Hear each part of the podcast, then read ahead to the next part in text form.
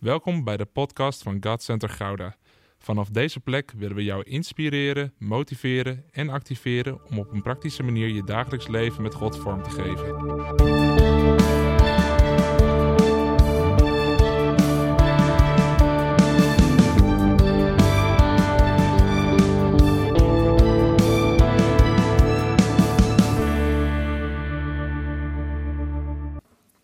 Ik ben zo enthousiast over vanochtend.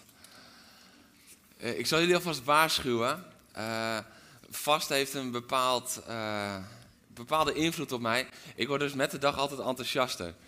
Dus als je denkt van, ach, wat is die vandaag irritant enthousiast, dan bid ik je sterkte toe voor de komende weken richting Pasen.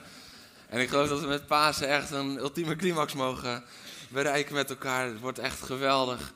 Ik kijk er zo naar uit de komende, komende weken om met elkaar op te trekken. Jullie gaan er nog veel meer over horen. Ehm, maar voordat ik het woord induik met jullie, wil ik even een terugkoppeling geven van, eh, van het offer van vorige week. Vorige week hebben we het offer opgehaald voor Oekraïne. En ik ben super dankbaar en ook trots met elkaar dat ik mag zeggen dat we ruim 6200 euro hebben mogen overmaken. Ja, dat is een applaus waard, ja.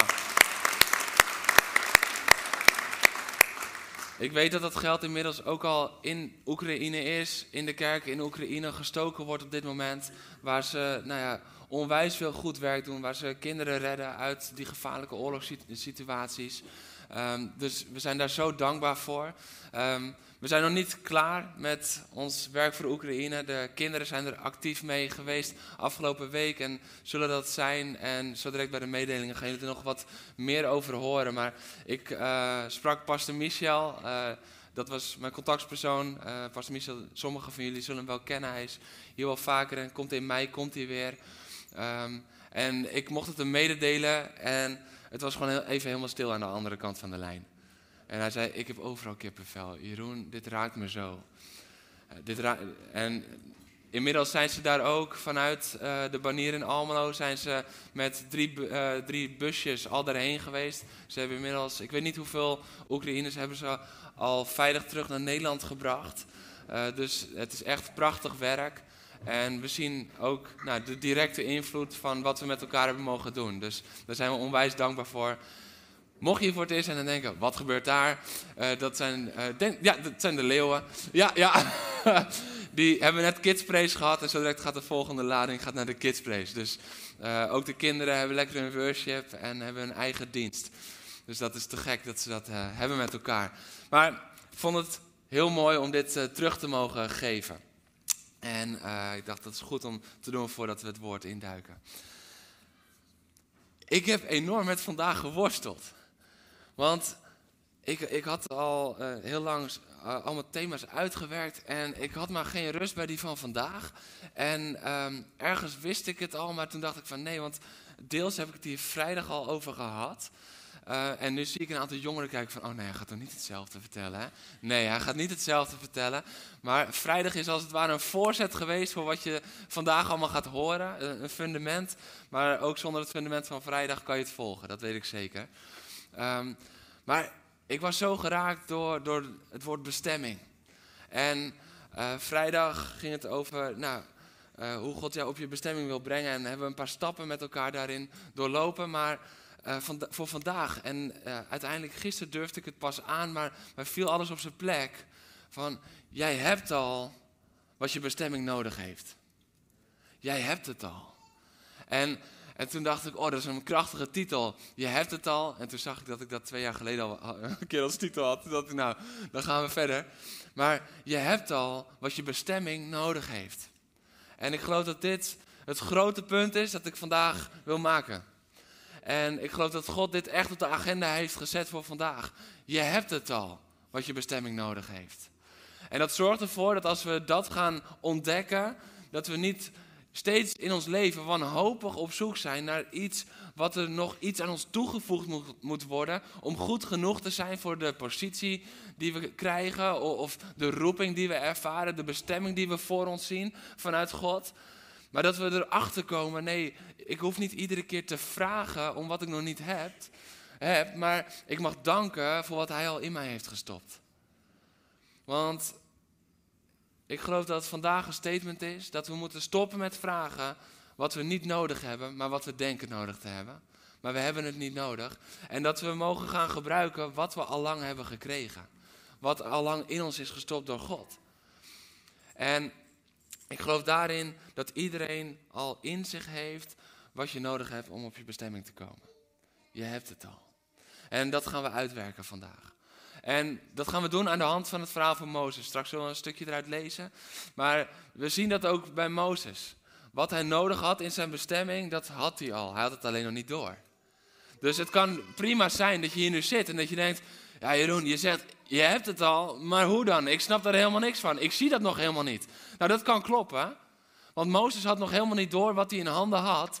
Maar hij had al lang wat hij nodig had om uiteindelijk in zijn bestemming te kunnen wandelen.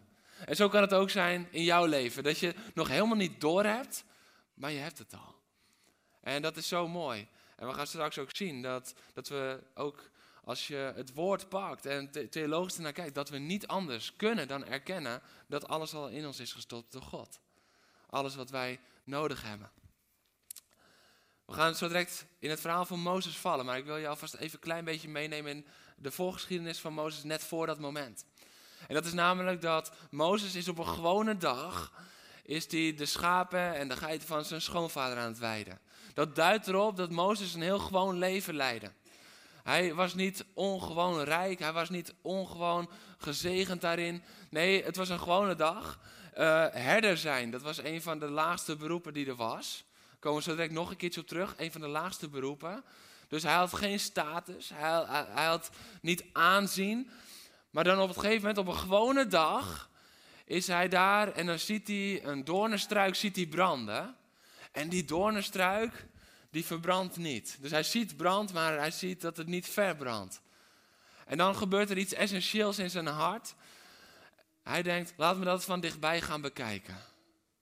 En dat, is de eerste uitdaging die ik je alvast wil geven.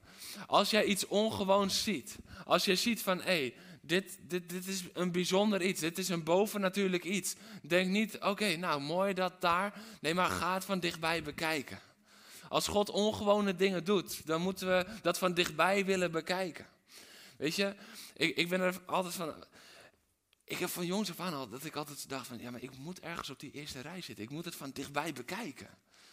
En in mijn hoofd zou de kerk ook de plek moeten zijn waar, waar om half tien de eerste drie rijen al vol zitten. En, en, en dat mensen naar binnen rennen, om, om, want je wil dichtbij zijn. Je, je wil het zien. Je wil die brandende braamstruik zien, die brandende doornstruik zien. En hey, half tien is niet zo vroeg als je maandenlang negen uur bent opgestaan. Toch? Dus het kan, het kan. Het is helemaal niet schakelen. Je hebt nog steeds een half uur genade. Genadetijd, halleluja. Maar wat er dan gebeurt, hij gaat van dichtbij bekijken. En daar ontmoet hij God. Is het niet interessant dat God zegt, deze grond is heilig. En dat hij God ontmoet op het moment dat hij van dichtbij gaat bekijken? Wij moeten dichtbij willen komen om in die ontmoeting met God te komen. En dat is niet omdat we op eigen kracht moeten of iets. Nee, want uiteindelijk zien we dat elke stap in zijn leven dat God van kracht voorziet. Maar we moeten wel dichtbij willen komen. En dat doet Mozes. En dan zegt hij, ik luister. En dan een lang gesprek, kort samengevat. Dan zegt God, ik heb mijn volk Israël in Egypte gezien. Ik stuur jou om ze te bevrijden. Ik stuur jou. En dat is waar het interessante begint. Hij zegt, ik stuur jou. En dan wil ik vragen, als je hier voor het eerst bent, we staan op uit het woord van God als, uh, voor het woord van God als we lezen uit de kerntekst, uit ontzag voor het woord van God. En we lezen uit Exodus 4, vers 1 en 2 vandaag. Echt maar twee versen? Ja, echt maar twee versen. Dus God heeft, heeft het uitgelegd. God heeft uitgelegd hoe hij het zal gaan doen en wat hij wil en dat hij Mozes wil gaan sturen. En dan zegt Mozes, weer, zegt vers 1, weer maakte Mozes bezwaar. Nou, Mozes toch. Nou, dat zou ik nou nooit doen. Ik zou nooit, als God iets zegt tegen mij, als God mij een opdracht geeft, dat een moment in twijfel trekken, toch? Toch? We lijken soms allemaal een beetje op Mozes. Weer maakte Mozes bezwaar. Ze zullen me vast niet geloven en niet naar me luisteren, zei hij. Ze zullen zeggen, de Heer is jou helemaal niet verschenen. De Heer vroeg, wat heb je daar in je hand? De Heer vroeg, wat heb je daar in je hand? En Mozes keek en hij dacht, ja, een staf. Maar dat is logisch, want ik ben een herder. Ja, een staf, maar is daar dan iets bijzonders aan? Ik, ik ben een herder en een herder heeft een staf. Een staf, antwoordde Mozes. Gooi het op de grond. Zo blij dat het nu niet echt gebeurt. Soms moet je iets beter nadenken over je voorbeelden. Zo, het zou wat zijn. Beval de Heer. En toen Mozes dat deed, veranderde de staf in de slang. Mozes deinsde achteruit. Dat zou ik ook hebben gedaan. Maar de Heer zei tegen hem: Grijp hem bij de staart. En het werd weer een staf. Oké, tot zover. Je mag lekker gaan zitten. Mozes heeft op dit moment heeft hij al met twee kernvragen gedeeld. Oh, die in de weg kunnen staan als je die onbeantwoord hebt. Als jij twee kernvragen in je leven nog onbeantwoord hebt, dan houden ze je weg bij je bestemming. Dan houden ze je weg van je roeping. En dat is namelijk dat als God het aan hem verschijnt, dat het eerste wat hij vraagt is: wie ben ik? Wie ben ik dat ik dat mag gaan doen? Wie ben ik dat ik de Israëlieten ga bevrijden? Wie ben ik dat ik naar de farao kan gaan? Wie ben ik dan? En is dat niet de vraag die we vaak in ons hart stellen? Dat als God iets geeft, als, als God een opdracht geeft, als, als God een roeping geeft, dat het eigenlijk een van de eerste dingen die je denkt is, ja maar wie ben ik? Wie ben ik? Daar ben ik toch niet geschikt voor, daar ben ik toch niet goed genoeg voor? Wie ben ik? En de tweede vraag die dan komt, is want God zegt dan niet van oké, ik ga nu even je familiestamboom uitpluizen. Hij zegt dan ook niet, joh, ik heb je deze gaven en talenten gegeven, dus je bent goed genoeg. Nee, de kracht van jou goed genoeg zit in dat hij zegt: Ik ben met je. Wauw. De kracht van jou goed genoeg zit in dat hij zegt: Ik ben met je. En dan komt de volgende vraag van Mozes: Maar wie bent u dan? Hij vraagt zich af: Wie bent u dan? En dan zegt God: Ik ben. Ik ben. En als die twee vragen dan beantwoord zijn, dan kan die komen bij wat hij heeft gekregen van God.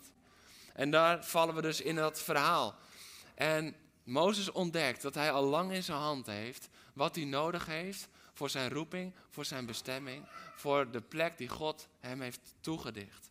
Maar toch blijft Mozes nog steeds onder die roeping vandaan proberen te lopen. Want als je de versen verder leest, dan zien we dat Mozes, maar Mozes, maar Mozes hield vol, staat er dan zelfs. Dus dan heeft God al een wonder gedaan. God heeft al een wonder gedaan en hij spreekt nog een keer tot hem. Hij bevestigt het nog een keer. Maar Mozes hield vol. En toen dacht ik, ja, hoe erg lijken wij soms op Mozes? Dat God zo duidelijk al een roeping geeft, of zo duidelijk een bestemming geeft, of duidelijk spreekt. En dat wij volhouden van, ja, maar dat is voor iemand anders. Ja, ja, Heer, ik weet dat u me nou al acht keer heeft gezegd, ga zingen voor mij, maar kijk Sifra. Zij kan dat veel beter. En we denken, wie ben ik? Maar ik kan dat niet. Maar ik kan, ik kan toch helemaal. En misschien is het wel dat je denkt van ja, ik kan wel zingen, maar, maar ja, ik, op dat podium, ik kan me geen houding geven. En dit is precies wat er in Mozes omgaat. Want Mozes schuift van, van, van smoes naar smoes als het ware. En op het gegeven moment is het dat als hij het bewijs heeft gekregen van de staf die hij in zijn hand heeft, dat hij zegt, ja maar ik kan niet spreken. Ik kan niet spreken. Dus, dus ik kan niet gaan, heer. Zend toch iemand anders. En we blijven kijken naar wat we niet kunnen. En het houdt ons tegen om op onze bestemming te komen. Terwijl God zegt, hey, alles wat jij nodig hebt, heb jij al in je hand. Deze staf zou uiteindelijk de rode draad van de bestemming van Mozes worden. We gaan het zo direct zien. God gebruikte wat hij al had. We moeten niet kijken naar, naar wat ons onzeker maakt. We moeten niet kijken naar waarvan wij denken dat we tekortschieten. Maar we moeten leren vertrouwen dat alles wat wij nodig hebben in ons leven om volledig vrucht te kunnen dragen voor het koninkrijk van God, heeft Hij al in ons gestopt. heeft Hij al in ons gestopt. Weet je wat het namelijk is? Als God nu nog een talent of gave in jou zou moeten leggen, was de schepping mislukt. Als God nu nog zou moeten zeggen van, oké Niels, ik wil jou gebruiken, weet je wat? Ik moet jou deze gave nog toedelen. Ik moet jou dit nog geven. Dan was de schepping mislukt. Want dan, dan had hij niet Niels al ten volle geschapen waartoe die was bedoeld. En als we daarnaar kijken, als we kijken naar het stukje schepping en naar die almacht van God, dan roepen we allemaal amen. God maakt geen fouten. Amen. God heeft geen fouten gemaakt in zijn schepping. Maar op het moment dat het dichtbij komt en dan ons hart raakt en onze bestemming raakt, dan kunnen we zo hard twijfelen. Dan kunnen we zo hard twijfelen van zit dat dan wel in me? Heb ik wel wat die bestemming van mij vraagt? Maar God zegt, alles wat jij nodig hebt, zit al in jou. Daarom krijgt Mozes ook niks nieuws. God gebruikt de staf die hij al in zijn handen had. God zegt niet, hey, zie, zie, zie je dat daar liggen? Zie je dat daar liggen? Daar ligt een staf, die heb jij nodig. Het enige wat hij zegt is, kijk eens naar wat je al in je handen hebt. Kijk eens in je hand. Een staf. En die gewone staf, die verder geen bijzondere waarde leek te hebben, die gewone herdersstaf, na deze ontmoeting zullen we in vers 20 zien dat het de staf van God wordt genoemd. Dus dat gewone in jouw leven, op een gewone dag was Mozes bezig, dat gewone in jouw leven, waar er een aanraking komt van God, dan wordt het een werktuig van God. En dan is het niet langer alleen van jou, maar dan is het niet langer jouw herderstaf, maar dan wordt het de staf van God. Wat een transformatie. Maar er is geen omwisseling van een staf, heeft daar plaatsgevonden. Nee, er heeft een aanraking van God plaatsgevonden. En wat hij aanraakt, zorgt hij voor dat het gebruikt wordt voor zijn koninkrijk. God gebruikt de staf die Mozes al had. En die staf die zal dan uiteindelijk de rode draad worden. De rode draad worden van zijn bediening. De rode draad worden van zijn bestemming. Want met deze staf zal hij uiteindelijk op het water slaan en het water zal bloed worden. Een van de plagen. Met deze staf zal hij uiteindelijk de zee splitsen als hij die staf boven het water houdt. Dit zou echt leuk zijn als jullie nu allemaal zo deden. Maar dat terzijde. Dat, dat is het nadeel van één dienst. Dan kan je dit soort dingen niet meer. Dus, dus die staf, die doet zo en de zee. Oh, dit is zo leuk. En de zee splitst. Maar de hele zee, jullie denken ik zit achteraan, ik zit veilig. Nee, de hele zee. Dus die staf was zo en de hele zee splitst. Halleluja! Yes! Applaus voor deze zee. dus dat is wat er gebeurt. Dat is wat er gebeurt. En het was diezelfde staf als die hij in zijn handen hield toen hij nog gewoon de schapen aan het weiden was. God gaf hem niets nieuws, maar hij raakte aan wat hij al had. En ik ervoer zo, wij vragen zo vaak, Heer, geef mij wat ik nodig heb. Heer, ik voel ergens een roeping, en, en, maar, maar dan moet u dit aan mij geven, dan moet u dit in mij uitstorten, dan moet u dit. Maar God zegt: nee, nee, nee, nee, nee, nee, nee, nee. Ik ga je niks nieuws geven, want dat zou bewijzen dat ik niet alles in jou heb gestopt wat jij al nodig hebt. Maar laat me aanraken wat je al hebt. En laat dan wat ik al in jou heb gestopt, waar jij je nog niet bewust van was, mijn werktuig worden. De staf van God. Wat een openbaring over een staf. Want dit is wat hij ook nog steeds doet in jou en mijn leven. Dit is wat hij nog steeds doet.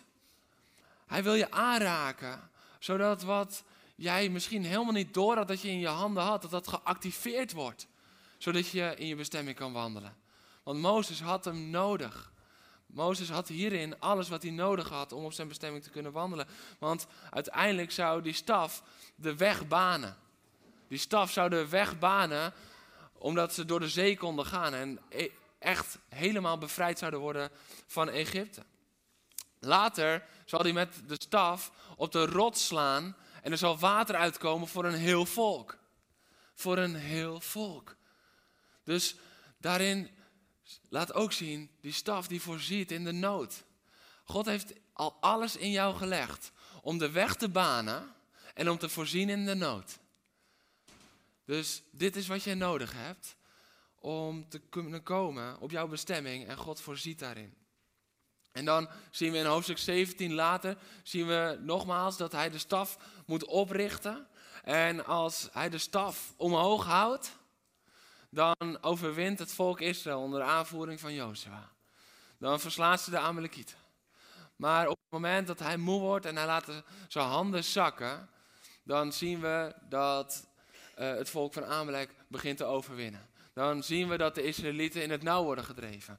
En hij moet, opnieuw moet hij hem oprichten. En uiteindelijk krijgt hij hulp.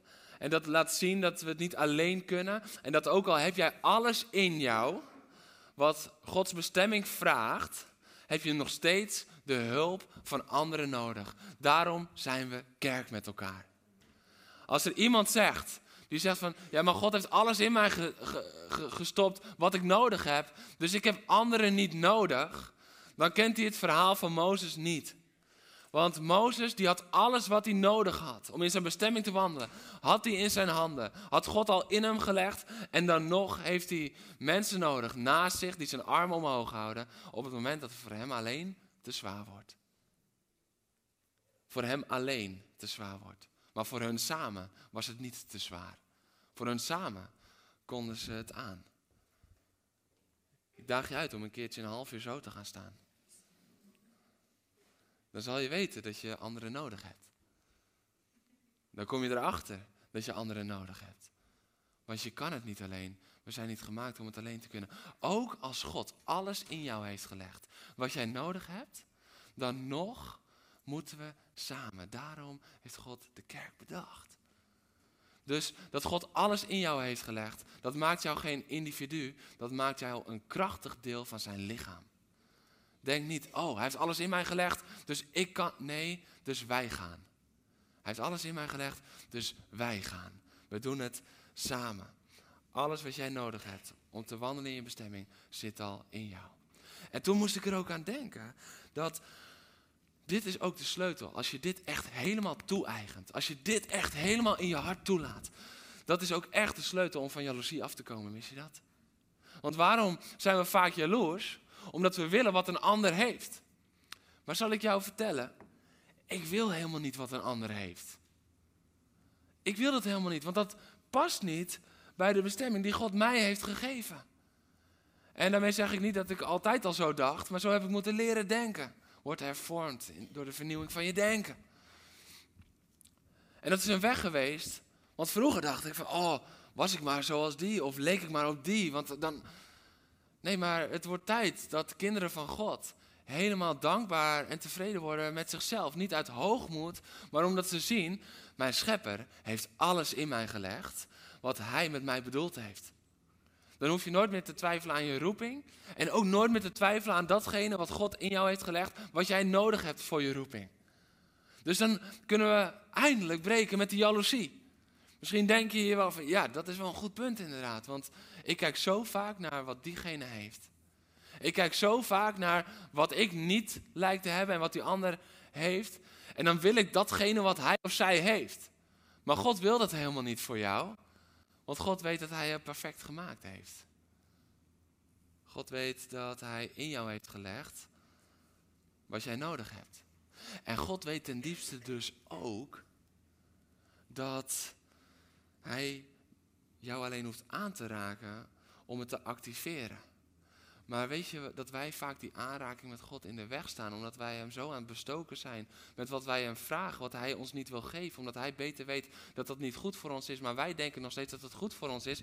En dat die, de aanraking daarom nog niet komt, niet omdat Hij dat niet wilt, maar omdat wij het niet toelaten. Want bijna is het zo van, als hij ons dan wil aanraken in wat we al hebben, dat we zeggen, nee, nee, nee, heer, nee, heer, ik heb dit nodig. En dat hij zegt, nee, nee, nee, je hebt het niet nodig, je hebt mijn aanraking nodig. En dan wordt die doodgewone herderstaf, wordt een staf van God. En dan kunnen we ook stoppen met kijken naar wat we niet kunnen. Weet je hoe vaak mensen het hebben over wat ze niet kunnen? Man, man, man. We praten vaker over wat we niet kunnen als over wat we wel kunnen. We hebben het vaker over wat er niet goed gaat als dat er wat er wel goed gaat. Maar God zegt, kijk naar wat ik je heb gegeven. En Mozes, als jij van jezelf vindt dat je niet zo goed kan spreken, maar je hebt een staf en ik heb het bewezen aan jou, durf je dan te vertrouwen dat die staf genoeg is? Durf je te vertrouwen dat wat ik heb gelegd in jou genoeg is voor die bestemming? Misschien moeten we die bestemming eens opnieuw gaan definiëren. Dat als er een bestemming op je leven ligt, dat wij er te veel bij denken wat we allemaal zouden moeten kunnen. Terwijl God zegt, ik heb je een staf gegeven. En als ik hem aanraak, als ik jou aanraak, dan is dat niet een herderstaf. Nee, dan wordt dat mijn werktuig. De staf van God. Het is tijd dat we gaan zien wat we hebben gekregen van Hem. Dus je hebt het al. Je hebt al wat je nodig hebt voor je bestemming. Dat is het eerste. Dat we ons helemaal moeten toe-eigenen, dat we het al hebben. Het tweede, wat me raakte, is, en, en jongeren, jullie dachten nu van, nou, dit komt nog aardig overeen. Nu komt de bonus voor jullie. Oh, jullie gaan een goede ochtend hebben. We gaan naar het leven van David. We gaan naar het leven van David. En in het leven van David zien we dan iets prachtigs. David was daar dus ook herder. Ik, ik noemde het net al even. Hij was herder. En al zijn andere broers hadden allemaal andere functies. Maar David was het herdersjongetje. En heel vaak hebben wij daar een soort idealistisch beeld van. Ja, want daarom kon hij op de harp spelen. En, en daarom kon hij God al ontmoeten. En daarom kon hij al psalmen schrijven. En, en daarom kon hij vechten tegen leeuwen en beren. Zodat hij later klaar zou zijn voor zijn roeping tegen Goliath. En we idealiseren het. Maar David moet hebben gedacht, waarom ben ik herder? David moet hebben gedacht, waarom ik? David moet hebben gedacht, waarom ben ik de minste van mijn familie? Want de herder stond onderaan de ladder.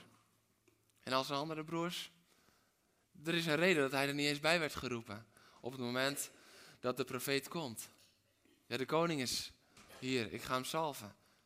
Oké, kom maar alle zonen.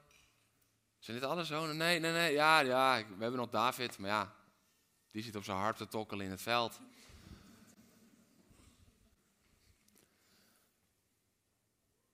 Afwijzing. Maar weet je wat ik ontdekte? God leerde David te gebruiken wat hij al in hem had gestopt. Op de laagste plek. Zodat hij uiteindelijk op de hoogste plek datgene beheerste wat hij moest kunnen.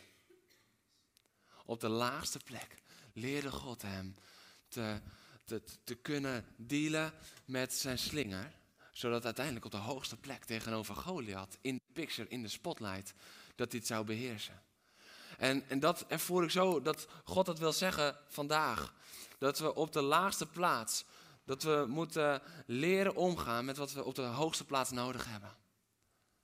Ben je bereid? Ook als dat op de laagste plaats lijkt. Ook als je denkt van, ja, waarom? Ben je bereid om dat te doen op maandag, als er niemand kijkt en je maakt de wc schoon? Of ben je bereid om dat te doen thuis, als er niemand kijkt en je bent alleen? Ben je bereid om, daar tijd in te investeren? Ben je bereid om daarvoor te gaan? Want als David dan voor die reus komt en, en hij gaat een nieuw seizoen in, een nieuwe fase in, dan zou heel vaak een, een gebed zijn dat we uitbidden: Oké, Heer, geef hem wat hij nodig heeft. Maar dat gaat tegen de schepping in. Geef hem wat hij nodig heeft, Heer. Heer, dit is het moment om die gave of die, dat talent te geven aan hem. Nee, maar dat hoeft helemaal niet. Want op de laagste plaats, buiten het zichtbeeld van iedereen. Buiten het zichtbeeld van iedereen. Want je kan ervan uitgaan dat die broers niet dagelijks bij hem op de koffie kwamen. Kijk maar naar hun reactie als hij bij hun op de koffie komt. Waar bemoei jij je nou weer mee? Dus op het moment dat niemand het ziet, op het moment dat niemand naar hem omkijkt, leert hij al behendig te worden met die slinger onder andere. En wat dan zo mooi is, dan, dan komt hij en dan denken wij van nu heeft hij die wapenrusting nodig, want nu gaat hij het strijdtoneel op, nu heeft hij dat nieuwe nodig. En dat denkt Saul ook. Want Saul, de koning, die denkt eerst van ja, jou gaan we niet zenden tegen Goliath. Dan kijkt hij om zich heen, ziet hij duizend knikkende knietjes. En dan denkt hij nou oké, op hoop van zegen. Dat, zal, dat is nou echt een op hoop van zegen moment geweest. Dat Saul zei van David ga jij maar. Ja, en dan zegt hij van, maar doe dan wel mijn wapenrusting aan. Dus dan krijgt David, die al gezalfd is als koning. Dus je denkt dan natuurlijk, 1 en 1 is 2. Dit is het moment dat de belofte in de vervulling gaat. Hij krijgt nu de wapenrusting van de koning. Maar hij heeft hem aangedaan, hij heeft zijn zwaard omgord. En dan staat hij probeerde te lopen, maar hij kon niet bewegen. En dat zegt hij dan ook, ik kan hier niet in lopen. En dat vind ik zo mooi. Dat David behangen met veel te veel ijzer en heel zwaar. En dat herdersjongetje, dat kan niet meer lopen. Omdat hij niet meer wandelt in wat God in hem heeft gelegd. Wat God heeft bedoeld voor hem. In wat God heeft klaargemaakt voor hem. En het gaat allemaal weer uit. En uiteindelijk gaat hij, en er staat een leuk detail, met zijn staf. En met zijn slinger. Hij pakt vijf stenen uit de rivierbedding. En hij gaat met zijn slinger. Die slinger die hij heeft beoefend. Die slinger waar hij helemaal vertrouwd mee was. Die slinger waar hij op vertrouwde. En, en dit is het geheim daarin. Als hij lui was geweest als herder. In de afwijzing die hij had ontvangen. Als hij dacht, ik gooi er met de pet naar.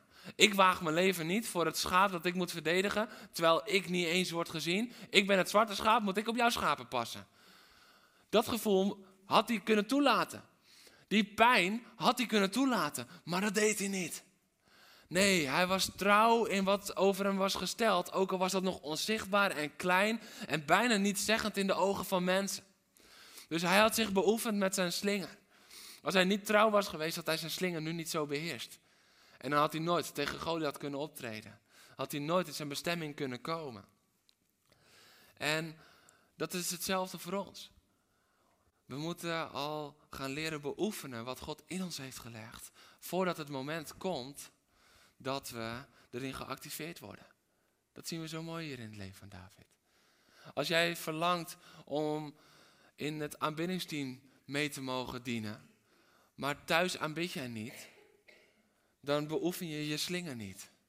Als jij verlangt om ooit het woord te gaan brengen, maar je leest het woord nu niet thuis terwijl het niet gezien wordt, dan beoefen je je slinger niet. En misschien denk je nu van zo, dat is allemaal ver weg. Ik wil helemaal niet zingen of prediken. Als jij een voldoende wil halen voor je tentamen.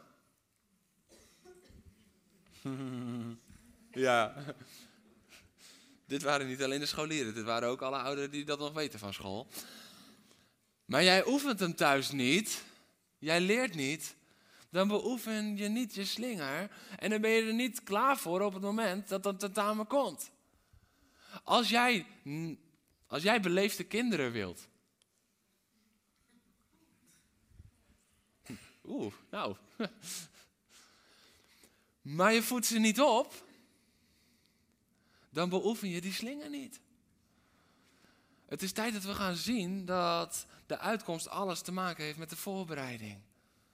En dat God zegt, ik raak het aan op het juiste moment. En dan komt mijn kracht erover, maar je hebt zelf ook een verantwoording. Want weet je wat het mooie is? Die steen in die slinger, die staat zo voor de Heer Jezus. De steen die voor hem uitging, die zijn tegenstanders neerhaalde. Waardoor hij zelf niet hoefde, maar hij moest wel, zijn verantwoordelijkheid was om die slinger te beheersen. De rest was Gods verantwoordelijkheid. Hij hoefde verder niet meer te strijden. Maar wij kunnen nog wel eens heel overgeestelijk zeggen van ja, de strijd behoort hem toe. Dus ik ben moe vandaag. En ik, ik wijd me niet toe. Maar God zegt, beoefen je in wat ik in jou heb gelegd. Zodat op het moment dat ik het aanraak, dat we samen kunnen werken. En samen in die bestemming kunnen gaan wandelen. Het is tijd om ons klaar te maken. Wees trouw in waar je nu staat, zodat je gereed naar je bestemming gaat. Wees trouw in waar je nu staat, want waar je nu staat is ook van belang. Is ook belangrijk. En misschien denk je, ja, maar niemand ziet het nog.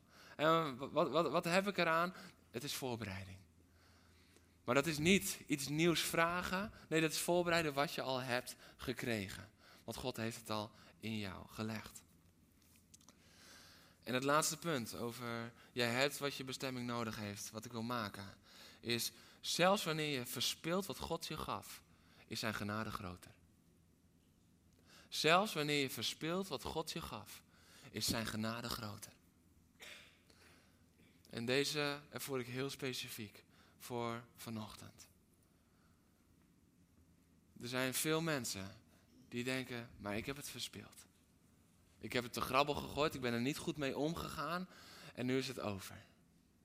Maar weet je, Mozes mocht het volk Israël leiden en de eerste keer verspeelden ze eigenlijk wat ze hadden gekregen. De bestemming lag klaar, het beloofde land lag klaar en God had zijn belofte ook nog eens bevestigd door de twaalf verspieders te laten zien van inderdaad, de vruchten die ik heb beloofd, het land dat ik heb beloofd, het ziet er echt zo uit. Dat is echt 100% waar.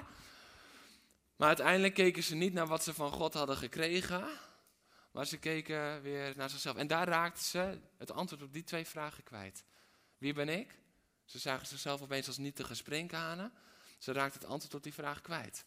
De ik ben met je. Het was weg. Nee, want wij zijn nietige sprinkhanen. En ten diepste raakten ze daarin ook het antwoord. Wie bent u dan? Ja, ik ben. Raakten ze ook kwijt. Want ze vertrouwden niet meer zodat de ik ben nu het verschil zou maken. En wat, wat ze dan doen, is ze zijn ontrouw en, en uiteindelijk, en dit is het punt wat ik wil maken daarin, is dan denken we vaak van ja, dan is de bestemming verloren. Want ik heb het verspeeld. Maar God zegt niet, de bestemming gaat verloren. We gaan een omweg maken en ik breng je nog steeds naar precies dezelfde bestemming. Er is een koerswijziging, maar geen bestemmingswijziging. Er is een koerswijziging, maar geen bestemmingswijziging. God wijzigt de bestemming van jouw leven niet. Dat kan hij niet, want hij heeft alles in jou gelegd voor die bestemming. Dus als hij opeens wat anders zou gaan geven, dan zou hij daar ook nog wat dingen bij moeten proppen, omdat het niet meer aansluit op elkaar. En dan zou zijn schepping niet volmaakt zijn en dat gaat tegen zijn woord in. Dus het kan gewoon niet. Het kan gewoon niet. Dat matcht niet met wie hij is. Maar wij denken zo vaak, de bestemming is klaar. De bestemming is verloren gegaan. Wij denken soms dat God cancelt bij fouten. Weet je, we leven momenteel echt in een cancelcultuur. Ik vind het heel heftig om te zien. Wanneer iemand een fout maakt, wordt hij gewoon keihard gecanceld. Is gewoon weg. Bestaat niet meer. Moeten we niet. We doen eigenlijk alsof diegene er niet meer is. En daarmee doe ik niet af aan de verschrikkelijke dingen die naar boven komen, ook de laatste tijd. Echt niet. Maar het is toch wel bizar dat een persoon gewoon gecanceld wordt.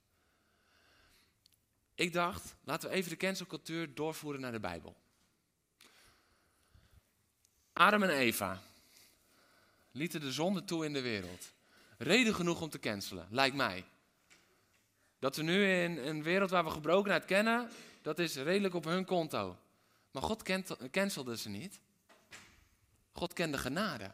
God bekleedde ze. Dat was een van de eerste dingen die hij weer deed. Hij bekleedde ze weer. Dit is de liefde van God. En wij maar cancelen. Abraham. Wat? Gaat hij over de geloofsheld beginnen? Ja, de geloofsheld die op het moment dat hij het niet meer geloofde, samen met zijn vrouw met zijn slavin naar bed ging. Wat zouden we tegenwoordig hebben gedaan met Abraham?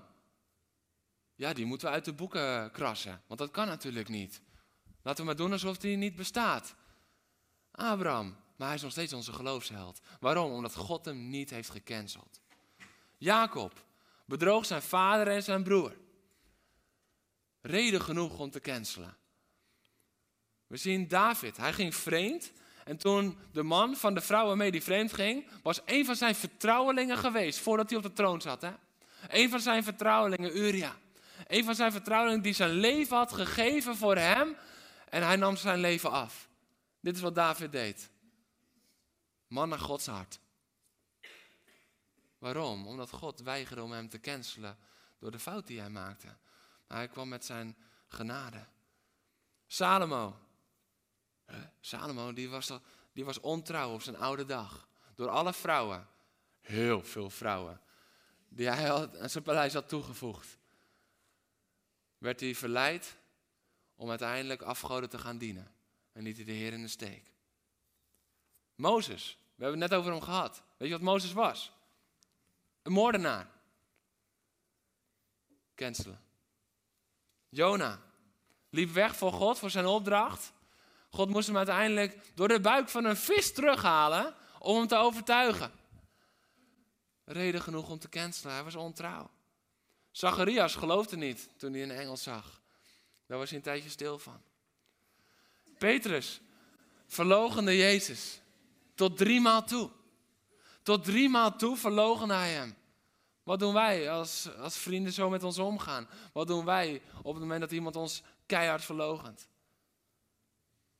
Dat er echt uit God verhoeden dat ik hem ken. Cancelen. Paulus, moordenaar, vervolgde christenen. En zou uiteindelijk de grootste prediker en apostel worden van de vroege kerk. En heel toevallig, terwijl ik hiermee bezig was, kwam op de achtergrond, ik had muziek aan, deze zin. My sin was great, your love was greater. My sin was great, your love was greater. God. Maar weet je waarom wij zo vaak denken dat God cancelt? Omdat we als kerk de hand in eigen boezem moeten steken. Omdat we als kerk zo vaak mensen hebben gecanceld. We hebben als kerk zo vaak gezegd: Oh, jij gaat daar de fout in? Aan de kant. Daar zit geen liefde in. Daar zit geen liefde in. Soms is een omweg is wel liefde, zoals God had met het volk Israël. En herstel brengen, dat is wel liefde. Maar cancelen is geen liefde. Het is tijd dat de liefde weer centraal gaat staan. Dat de liefde van God, die door het hele woord, de hele tijd, allemaal mensen die wij zouden hebben gecanceld, naar voren schuift, dat we die liefde weer gaan zien. En dat we dat dan niet alleen zien van, oh zo mooi de genade van God. Dat deed hij toen bij Mozes of bij David. Maar dat we dat ook durven te zien en in de praktijk durven te brengen vandaag de dag met de mensen die anders gecanceld zouden worden. Want mensen maken fouten. En sommige mensen maken hele grote fouten. Maar hun bestemming gaat daarmee niet verloren. Want God cancelt niet. En wij zijn als kerk geroepen om niet te cancelen. Weet je, als er een cancelcultuur was, dan zou ik nu beter weggaan. Want ik heb mijn fouten gemaakt. Beter zou ik dan ergens in een donker hoekje gaan zitten, omdat ik het niet waard voel om om te spreken, omdat ik het eigenlijk niet eens waard voel om hier in de zaal te zitten. Dan zou ik het liefst onder de trap kruipen. Maar weet je wat de grap is? Het zou erg druk worden onder de trap. Om half tien gaat daar de eerste dan al zitten. Niet op de eerste rij, maar onder de trap. Waarom? We hebben allemaal onze fouten. We hebben allemaal de zonde die we hebben begaan. We hebben allemaal net zo hard Jezus genade nodig. En als we dat erkennen, hoe kunnen we dan nog cancelen? Hoe kunnen we dan nog cancelen? Want God cancelt niet. Weet je, ik wil afsluiten met, met Simpson. De muziek mag alvast erbij komen. Ik wil afsluiten met Simpson. Simpson, dat, ik heb hem bewust net niet genoemd, omdat ik hem nu nog wilde noemen. Dat is er ook eentje hoor. Simpson, dat, dat, is, dat is er eentje, daar zou je cancelen met hoofdletters schrijven normaal gesproken. Want die leert niet van zijn eerste fout, die leert niet van zijn tweede fout, die leert niet van zijn derde. Die heeft er wat begaan. Je zou zeggen dat de richteren, dat dat de, de, de wijze zouden zijn, maar Simpson niet in onze ogen. En weet je wat er dan, dan gebeurt? Dan op het gegeven moment, ik ga het hele verschets voor degenen die Simpson niet kennen, voor die het verhaal niet kennen. Simpson, die mag zijn haren niet afscheren en, uh, en nog een aantal dingen, maar het gaat vandaag even om die haren. En hij heeft een bovennatuurlijke kracht van God gekregen. En daarmee kan hij zijn volk kan hij beschermen. Nou, dat zet hij soms goed in, soms ook niet zo goed in, maar hij heeft enorme kracht. Maar hij valt iedere keer voor de verkeerde vrouwen. Iedere keer valt hij voor de verkeerde vrouwen. En op het gegeven moment is het zo erg dat zijn vrouw die wil achterhalen waarom hij zo krachtig is, omdat ze onder druk wordt gezet door de Filistijnen. Zij zelf ook. En op het gegeven moment bezwijkt hij voor die druk. En dan scheren ze zijn haar af en dan is hij krachteloos. Dan is hij krachteloos. Alles wat hij had, wat God hem had gegeven, boem, het is weg. Maar weet je wat God doet? Vers 22. Maar zijn afgeschoren haren begonnen meteen weer aan te groeien. Zijn afgeschoren haren begonnen meteen weer aan te groeien. God cancelde Simpson niet. God cancelde Simpson niet.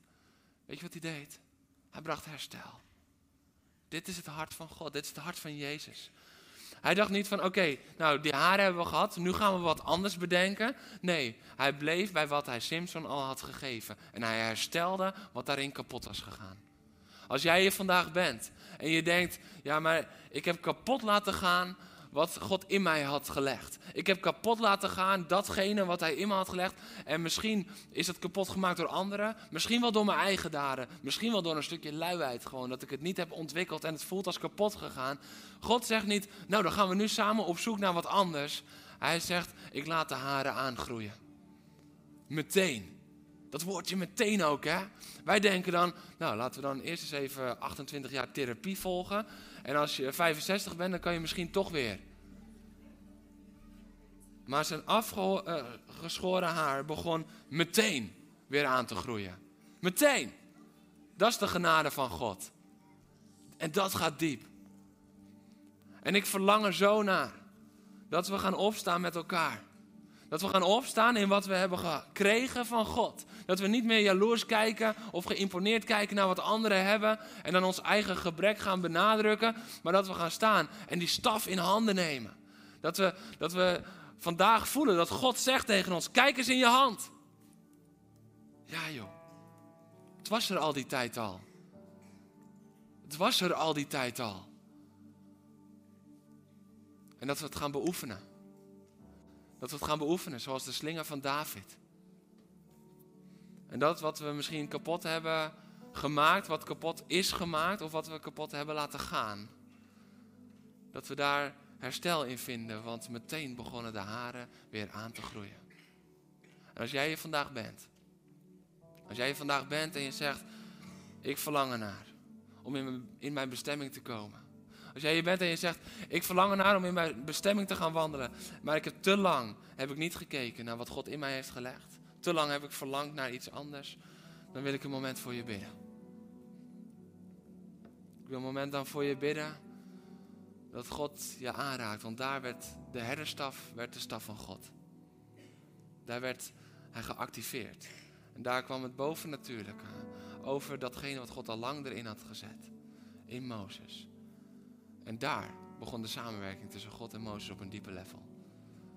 Als je je afvraagt waarom voelt die samenwerking dan niet. Ik geloof dat dit de openbaring is die je nodig had.